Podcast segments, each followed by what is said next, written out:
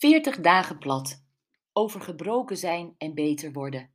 Door Nanette van der Ham. Dag 13. Supplementen, had Fysio Sander aanbevolen en dus toog G naar de drogist waar hij een verkoopster trof die haar heup ooit had gebroken. Daar is ze wel een jaar zoet mee, had ze bemoedigend gezegd, terwijl ze hem calcium, magnesium, zink en super cod liver oil, vroeger heette dat levertraan, toeschoof. En zo werd mijn ochtendritueel een défilé van pillen en capsules dat ik met een dikke shake van yoghurt, banaan en aardbeien naar binnen slikte. Daarnaast nog een kom yoghurt, appel, gehakte noten met snufjes kaneel, komijnzaadpoeder en kurkuma.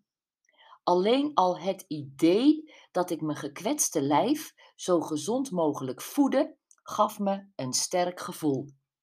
Met warme sokken aan mijn slecht doorbloede voetjes, een verhitte pittenzak op mijn buik en koel oogmasker op mijn ogen, stuurde ik liefde en zachtheid naar alle cellen in mijn lichaam. Zo moest het toch goed komen? Dag 14 er ook bij. Hmm, ik hoorde net iets te veel naar mijn zin van de mensen om me heen dat het misschien wel even goed was dat ik aan bed gekluisterd was. Hoezo? Nou, je was best druk, rende van hot naar her. Het is wel even goed voor je. Bah, was dat echt zo? Zo voelde het niet. Nou ja, ik was wel een busy woman, scheurde het hele land door naar coachingklanten en retreatweekenden, maar dat was ook mijn passie. Soms voelde het niet eens als werk. Ja, het was wel altijd op de klok. Zo laat dit, zo laat dat. En s'avonds nog mijn online etalage, de sociale media, bijhouden met leuke posts en inspirerende quotes. Ja, het was misschien toch best veel. Ineens schoot me te binnen wat mijn astroloog vier maanden geleden tegen mij had gezegd. Er is een 28-jarige cyclus voltooid. 2 keer 28 is 56. Het is tijd dat je je gaat heruitvinden. Het is niet goed voor jezelf om hetzelfde te blijven doen wat je nu doet, maar het is ook niet goed voor de wereld.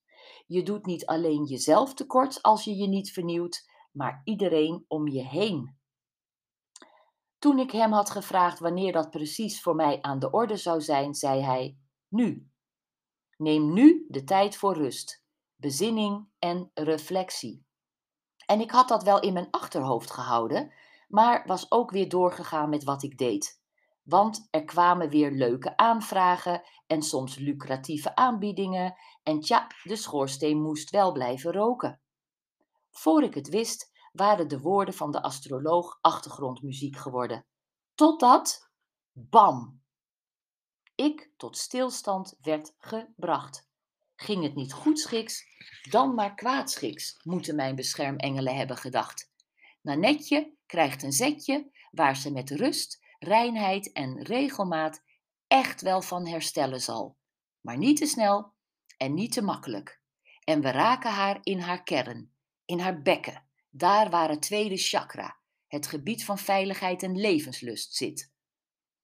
Toen ik in mijn standaardpositie, op mijn rug, in bed, benen gestrekt, mijn beide handen op mijn onderbuik legde, voelde ik vrijwel meteen de tranen uit mijn ooghoeken stromen. Mijn buik bolde als ik inademde enorm op onder mijn handen en zakte weer naar beneden als ik lang en diep uitademde. Wat voelde dit goed? Mijn engelen zeiden: Zie je het nou? Voel je het nou? Hoor je het nou? Je bent misschien niet uitgeput, maar je was ook niet op de goede weg. Blijf voelen, luisteren, zien, ruiken en proeven en jouw weg zal zich openbaren. Wat was ik ontroerd en dankbaar voor dit magische moment. Ik wist dat het waar was. Ik wist ook dat ik deze boodschap voorlopig als een geheim bij me wilde houden en het aan niemand zou vertellen.